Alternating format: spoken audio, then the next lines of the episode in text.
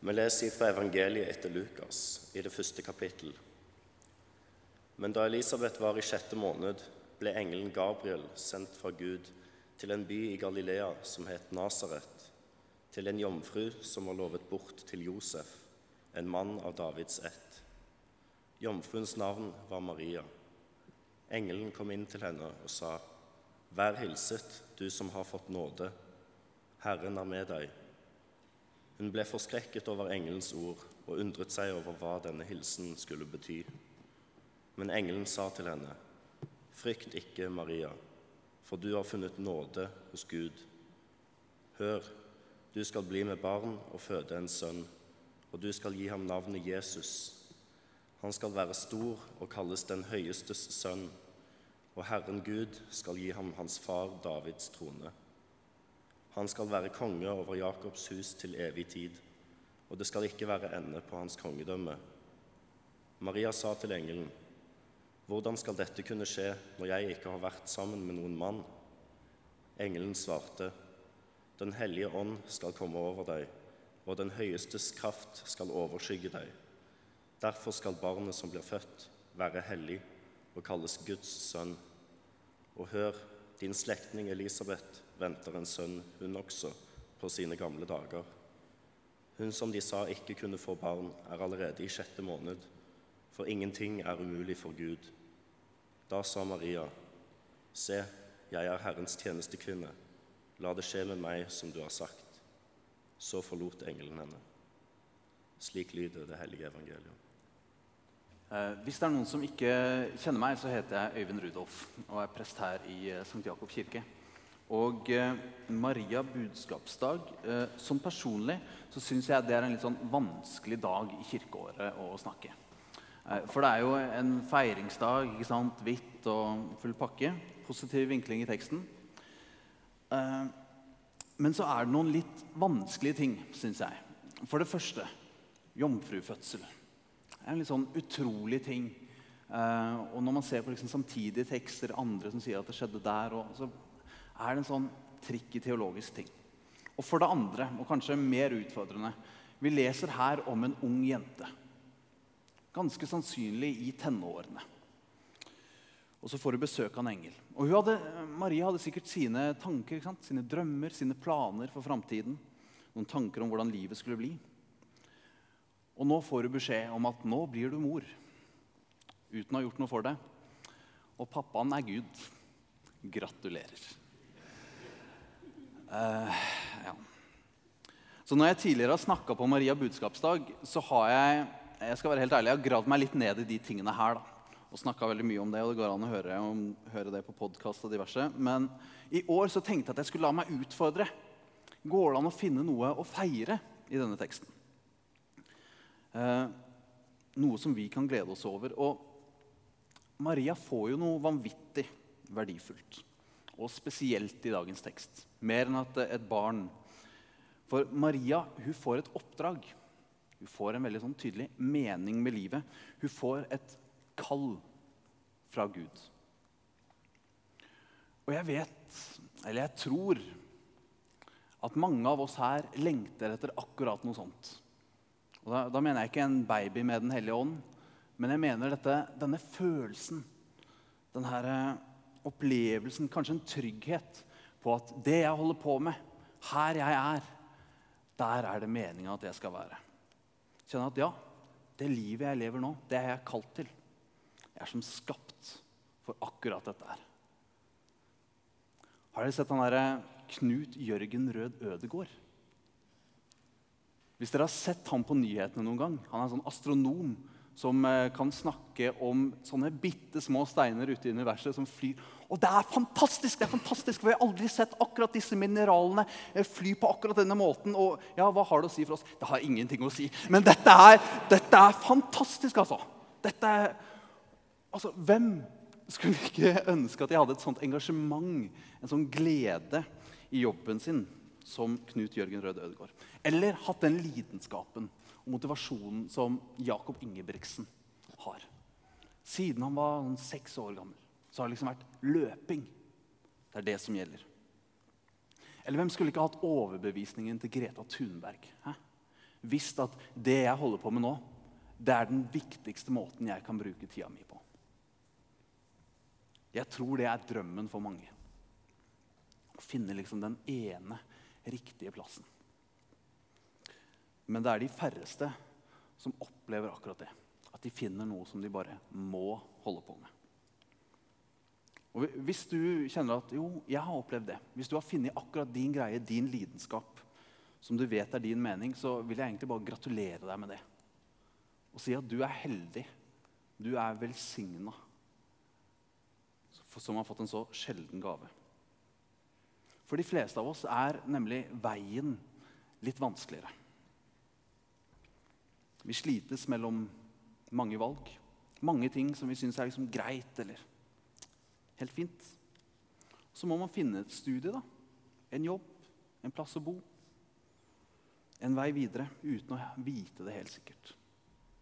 Og Da er jo spørsmålet hvordan lever vi med det? Og hvordan gjør vi de valga som er litt sånn hm. På 1500-tallet levde Martin Luther, en ganske viktig person for vår kirke. Og Han sleit ganske mye med akkurat dette. Han ønska å tjene Gud med livet sitt.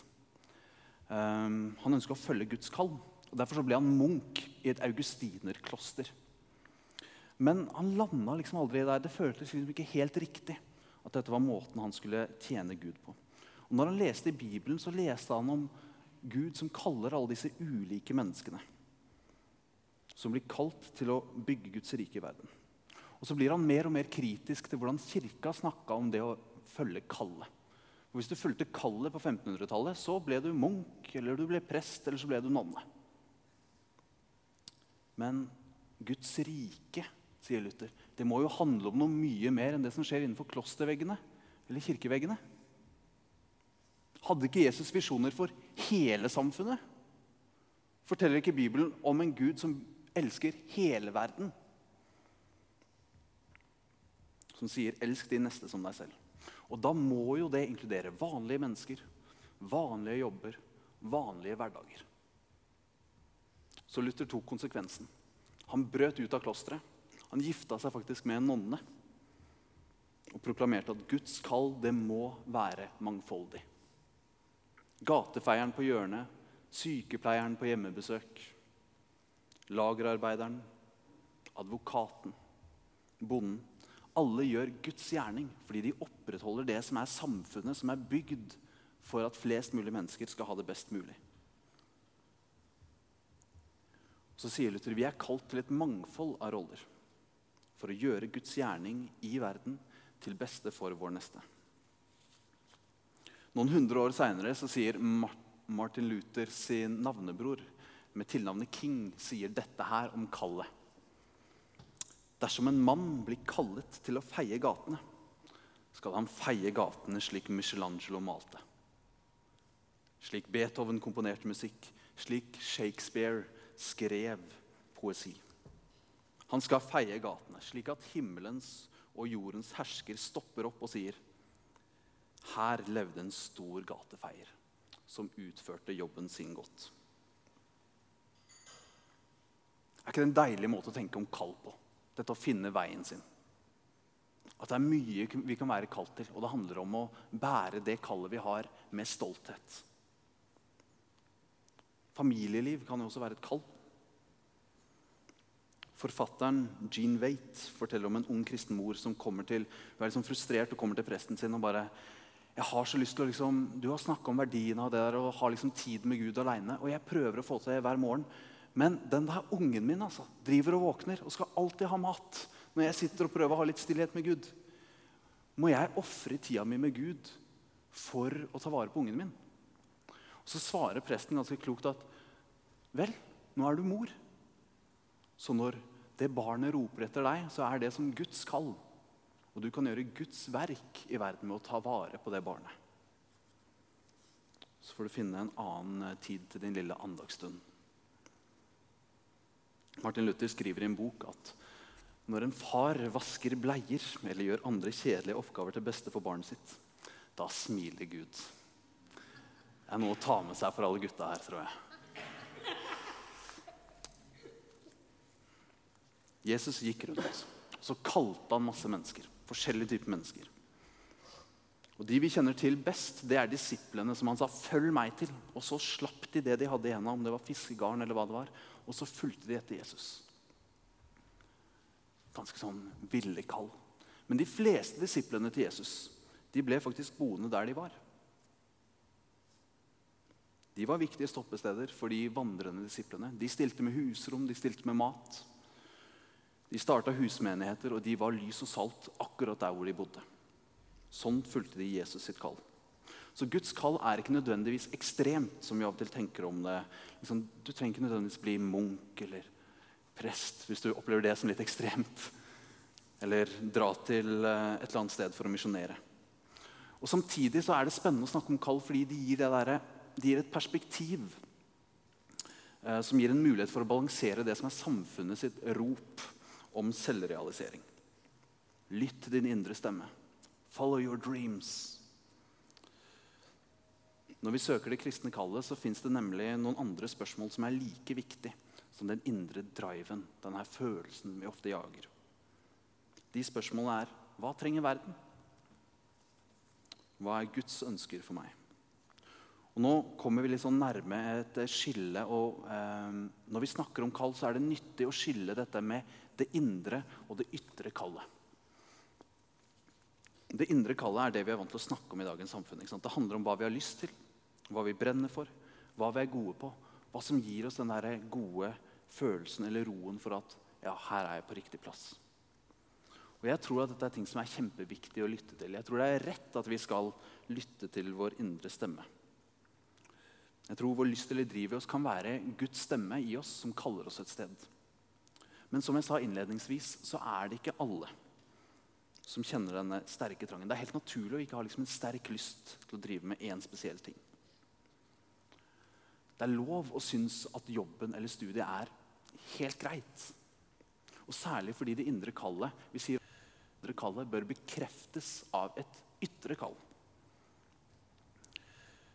For mens det indre kallet spør hva føles riktig for meg, så handler det ytre kallet om hva trenger verden. Det ytre kallet kommer til uttrykk på flere måter. Det ropes til oss fra hele verden rundt oss. Hver gang vi ser på nyhetene, så ser vi dette ytre kallet. Verden som trenger oss. Vi møter det ytre kallet når vi går forbi en tigger på gata. Vi møter det når vi hører om lærermangel eller prestemangel i dagens samfunn. Og vi møter det i klimakrisens store utfordringer. Det ytre kallet kan komme til oss gjennom Bibelen. ikke sant? Elsk de neste som deg selv. Og det kan komme til oss som kanskje en opplevelse eller noen som spør deg du, du hadde passa veldig bra til akkurat det der. Men som det indre kallet bør bekreftes av et ytre, altså ja, dette føler jeg er riktig, men trengs det? Så bør også det ytre kallet bekreftes av et indre kall. Kanskje kjenner man det i magen når man får et sånn forespørsel. Ofte så gjør man det. Om dette her er noe som føles som dette kan jeg trives i, eller dette blir bare vondt. Dette orker jeg ikke. Og kanskje kan man da, Hvis man har opplevd et ytre kall, på en eller annen måte, kanskje kan man be over det. Kanskje opplever man å finne en ro som gjør at man selv, om noe virker litt skummelt eller vanskelig, er villig til å gå inn i det.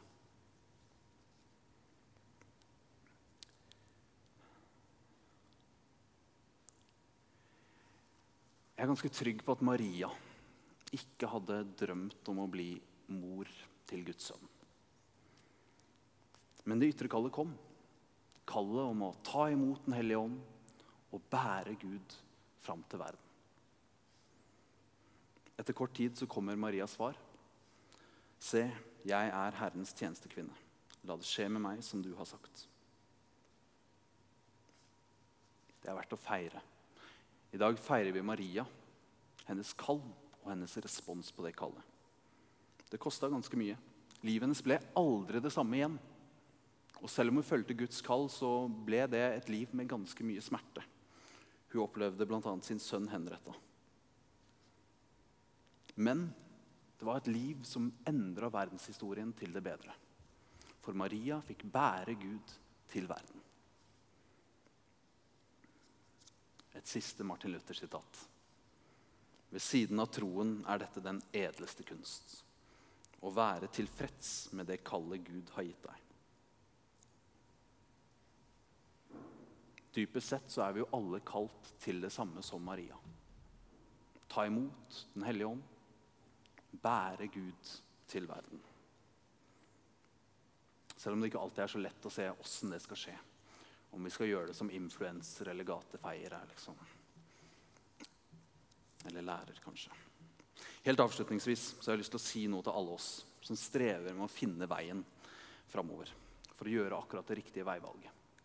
At vi har så lett for å tenke at det å finne vår plass, det å liksom eh, finne vårt kall, det er å lande på den prikken her. Ser dere den? Vi kan av og til tenke at det handler om å lande på den prikken. Denne pikselen blant milliarder av andre piksler. Hvis jeg bare treffer der, hvis jeg bare kommer dit, da faller livet mitt på plass. Da føles alt bra. Da er jeg der jeg skal være. Men sannheten er at vi er kalt. Ikke til å treffe en prikk, men til å leve innenfor en sirkel. Denne sirkelen heter 'Elsk de neste som deg selv'. Her finnes det hundrevis, sikkert tusenvis av piksler, små prikker, som du kan lande på. De vil føles litt forskjellig. De vil alle ha med seg sine gleder og sorger. Og newsflash ingen av de er det perfekte livet som vi av og til fantaserer om fins uten smerte. Men på hver enkelt plass innenfor denne sirkelen kan du leve i Guds kall for deg og bidra med gode ting som bare du kan bidra med. Innenfor denne sirkelen kan du være en velsignelse til de menneskene rundt deg. Bære Gud til verden med de gavene du er gitt. Det er Guds kall til deg. Og kanskje kan det kallet, dette ytre kallet som kommer fra Gud, være noe vi hviler i. Noe vi kanskje kan finne glede i. Også de dagene hvor vi våkner opp når vekkerklokka ringer, og vi ikke kjenner på sånn her indre boblende entusiasme og glede over det som venter oss, enten på studie eller jobb. Ære være Faderen og Sønnen og Den hellige ånd, som er, var og være skal. En sang Gud fra evighet og til evighet. Amen.